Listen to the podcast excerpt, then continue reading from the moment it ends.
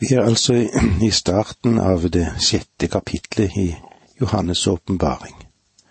Og eh, det vi vil stoppe opp for lite grann, er dette som har med bokgrunnen med de sju seil som blir åpnet. Den store trengsel, den har sin start i himmelen.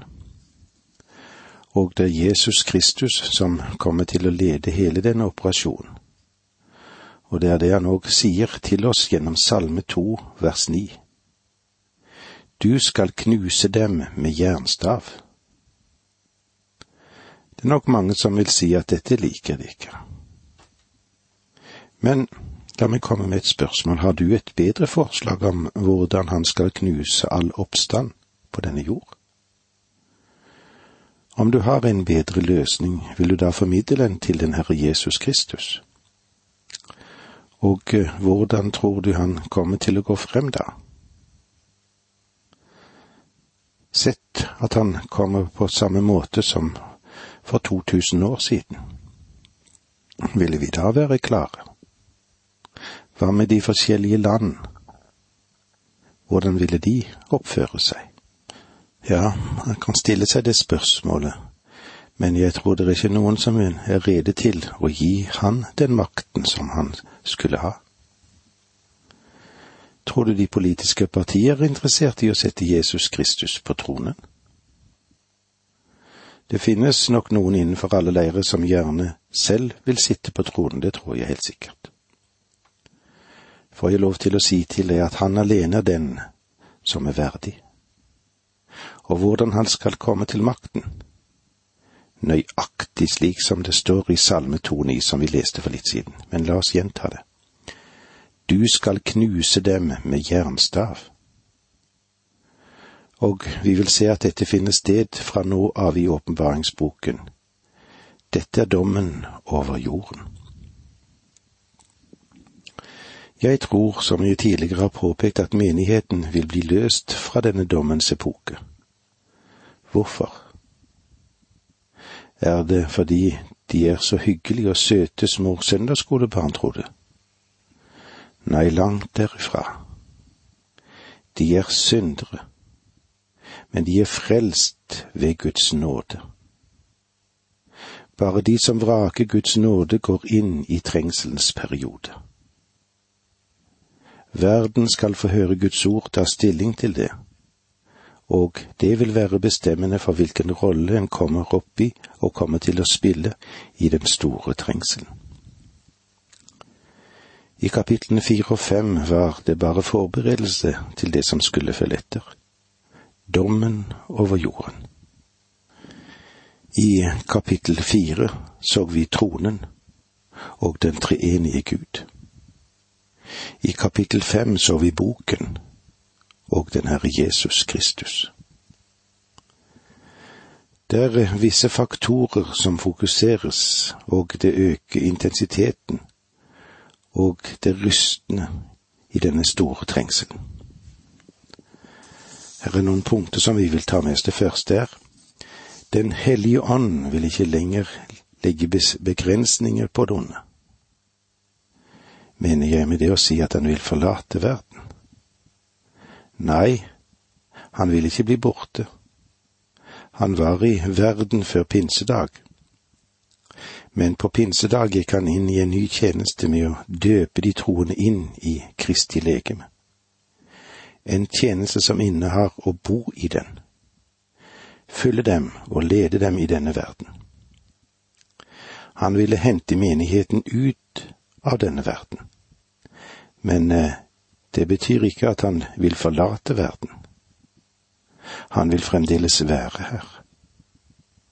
Han vil ikke legge begrensninger på det onde lenger. Med andre ord skal mennesket alene få ha sin tid, og det vil Satan også. Og det er en av årsakene til at jeg gjerne ikke vil være her, da. Det andre med disse faktorene som vi vil se på, er den sanne kirke som lys og salt, vil være borte fra jorden. Selv om menigheten har relativt liten innflytelse i verden i dag, så finnes det likevel en innflytelse. Men når den forlater jorden, ja, da vil denne innflytelsen være borte. Det, den tredje faktoren som vi skal se på, er djevelen vet at han har bare en kort tid. Han kommer til å operere intenst. Han vil dra ut alle fordelene han kan få ut av dette i den korte perioden som han skal virke. Og Gud vil gi ham frie tøyler. Vi har et punkt til. Onde mennesker vil ha større frihet til å iverksette sine mørke planer. Med andre ord så vil Antikrist være i stand til å ta over jorden og virke her for en kort periode. Femte punkt. Det vil komme en direkte dom fra Gud. Det ser vi i Åpenbaringen 6.17, hvor det står slik. For den store dag er kommet, vredens dag, og hvem kan da bli stående? Jeg tror ikke at den store trengsel bryter inn plutselig som en stor orkan. Åpningen av seilene, de vil skje gradvis. Det vil skje en logisk og en kronologisk rekkefølge. Det blir åpnet ett om gangen. Åpenbaringsboken har en klar sammenheng, forstår du. Når vi nå kommer til teksten i, kapittel seks, får jeg da lov til med forsiktighet å påstå at fra kapittel fire og videre er det tale om fremtiden. Hvis nå det er fremtiden, og vi i dag lever i en epoke som Johannes betegner som det som nå er, menighetens epoke. Så vi kan ikke trekke noe av seilene, trompetene, vredeskålene eller vesen inn i vår tid. Jeg tror vi nå ser den avsluttende fase under forberedelse til verdensscenen. Men jeg tror ikke at dette finner sted akkurat nå. Og likevel finnes det de som tolker denne delen slik og jeg tror det er grunnen til så mye av sensasjonshunger som synes å hvile over visse fremstillinger av åpenbaringsboken. Kanskje vi kan si det er en form for salgsgemikk, men neppe i pakt med den måten Johannes behandler denne saken på. Og jeg legger altså dette til grunn som en av forutsetningene at kapittel seks og videre, der har vi en henvisning til fremtiden. Ingenting av dette har skjedd inntil nå. Den delen av åpenbaringsboken som har å gjøre med de sju menighetene, noe jeg håper jeg har vist, passes inn i historien. Men du kan ikke passe noe av det som nå følger inn i historien. Forskjellen mellom de to tolkningssystemer av de profetiske materialet, det furtistiske og det historiske synspunkt, topper seg på dette punktet i åpenbaringsboken. Den historiske teori er den mening at alt dette er historie, og det kan passes inn i historien. Som et resultat er det omkring 50 forskjellige tolkningssystemer som et resultat av dette historiske hovedsyn.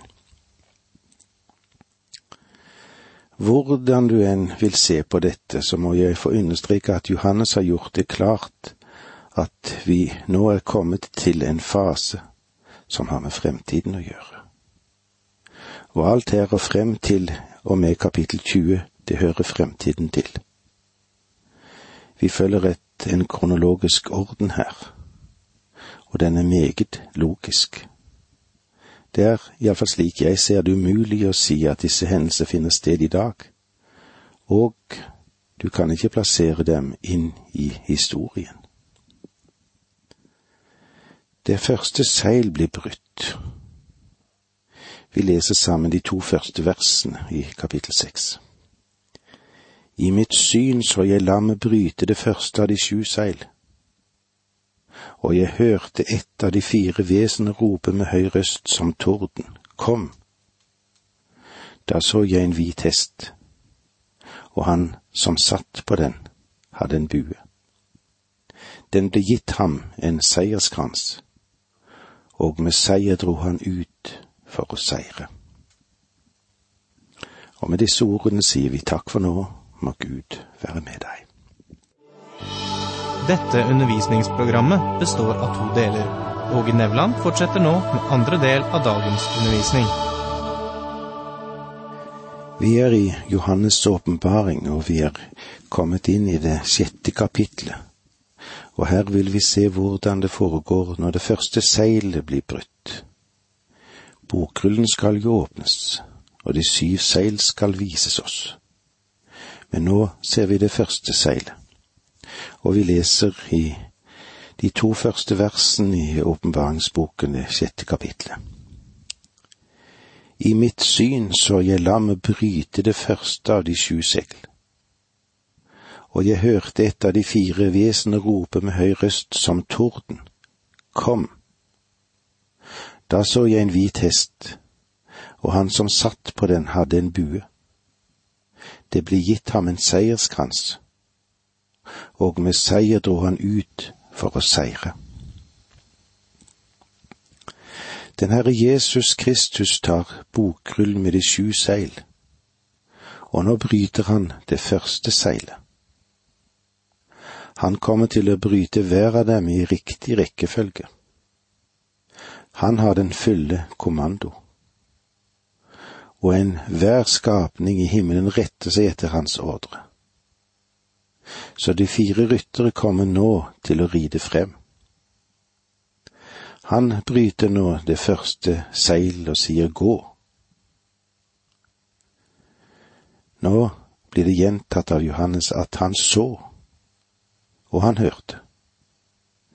Det er Bibelens eget fjernsyn, dette som vi nå ser. Forsøk å bestemme det symbolske i rytteren på den hvite hest for den er frembrakt av mange forskjellige meninger. En fremherskende tolkning blant bibelfortolkere er at han representerer Kristus. Og så bruker de Salme 45 og Åpenbaringen 19 for å støtte denne oppfatningen. Men en rekke nyere bibelfortolkere påstår at den hvite hest og dens rytter er antikrist. Det siste er også min oppfatning. Det ville være merkelig om den Herre Jesus selv brøt det første seilet, og personlig er den rytteren som springer frem. For eh, meg er det lite holdbart og lite tenkelig tolkning, det. Personlig er jeg i den oppfatning at dette er Antikrist. Han som er en imitasjon av Kristus og dette er han som later som om han er Kristus når han stiger frem. Vi beveger oss i dagens situasjon i retning av en verdensdiktator. Det synes jeg blir mer og mer tydelig. Alle folk på vår klode rundt omkring i verden, de er så urolige. Lovløsheten øker, og valgte myndigheter de ser ikke ut til å kunne holde noen kontroll. Dette forbereder grunnen for hans komme, som påstår at han kan få bukt med dette om han bare fikk lov til å herske. Antikrist, han opptrer ikke som en villmann. Vi må ikke glemme at Satans engler også kan være lysets engler. Han kommer ikke til å ha horn eller klover. I stedet kommer han til å være en av de mest tiltrekkende personligheter som verden noensinne har sett. Vi vil velge ham, og verden vil godkjenne han fordi han kommer i sitt eget navn. Men når han tar over, ja, da blir det sannelig ikke enkelt for verden. Dette er ikke bare ville påstander fra en som formidler Guds ord, en predikant. men understrekes av velkvalifiserte personer fra de fleste vitenskapsgrener. Historiefilosofen Arnold J. Toynbee skriver det slik. Ved å tvinge på menneskeslekten flere og flere dødelige våpen, og på samme tid gjøre hele verden mer og mer avhengig av andre økonomisk og teknisk, har ført slekten til slik fortvilelse at vi er modne for å guddomsforklare enhver ny Cæsar som kan tenkes og lykkes, og gi verden enhet og fred. Og det er denne plattformen som Antikrist vil stige frem på. Verdens enhet og verdens fred. Og jeg tror at hvis noen står frem nå og tilbød verden det som var frihet og fred, så ville verden ikke ha spurt om vedkommende kom fra himmelen eller fra helvete. Jeg tror ikke at de ville bry seg om det, fordi de ønsker fred for enhver pris. Og vi har brukt milliarder og billioner for å oppnå den. Når Antikrist kommer til makten, ja, da vil han tale om fred. Og verden vil tro at den går inn i tusenårsriker når den faktisk går inn i den store trengsel. Den store trengsel kommer som et lam, men den ender opp som en løve. Et løfte om fred er den store løgn verden kommer til å tro på. Denne rytteren kan ikke være Kristus, eller i lys av det faktum at Kristus er lammet midt for tronen, og løven av Judas stamme, og Davids rotskudd er den som leder disse hendelser fra himmelen og gir ordren til de fire rytterne om å ride fram. Kristus ble klart identifisert i åpenbaringen kapittel 19, mens han her sannelig fremstår meget dunkelt. Noe som antyder at det ikke er Kristus, men det er en imitasjon av ham. Det andre seilet vil bli brutt. Versene tre og fire i kapittel seks. Da lammet brøt det andre seil, hørte jeg det andre av de fire vesener si kom, og det kom frem en annen hest, som var flammende rød. Han som satt på den fikk makt til å ta freden bort fra jorden så folk kunne slakte hverandre ned, og det ble gitt ham et stort sverd. Den første rytteren kunne ikke ha vært Kristus, for når han vil bringe fred til jorden, så vil den være permanent. Det det her tales om, er en meget kortsiktig fred. Umiddelbart etter den hvite hesten springer frem, så kommer den røde hesten, og den varsler krig over jorden. Den fred som rytteren på den hvite hesten brakte til verden, den var kortsiktig, og det var et skalkeskjul. Antikrist presenterer seg selv som hersker som bringer fred til verden men han kan ikke garantere det, for Gud sier, slik som det står i Jesaja 57, 21. Det er ingen fred for den onde, sier min Gud.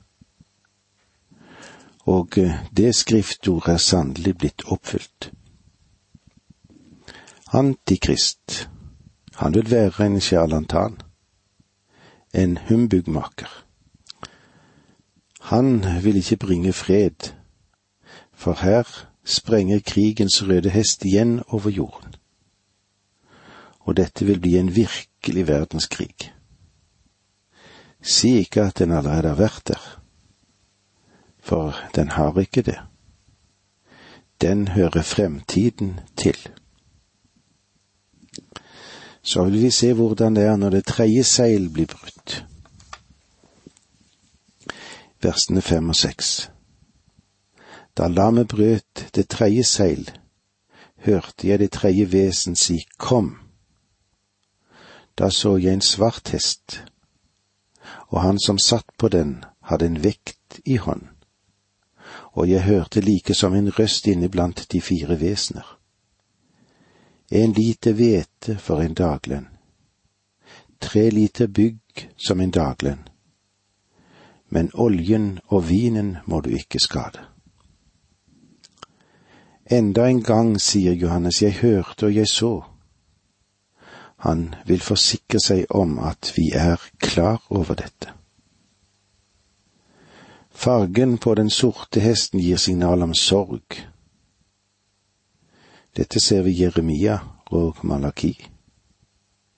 Og den taler også om hunger, slik som vi ser det i klagesangene fire, åtte og ni. Nå ser de sverter ut enn sot en kan ikke kjenne dem igjen på gaten. De har bare skinn og ben. Huden er blitt tørr som knusk. De som falt for sverd, var bedre stilt enn de som sultet i hjel. For de tæres bort og døde fordi jorden ikke ga grøde. Den sorte hest representerer den, denne verdens vidige hunger som skal komme over jorden. Etter en krig er det alltid knapphet for fødevarer. Og eh, det var disse ordene vi fikk ta med oss i dag. Takk for nå, må Gud være med deg.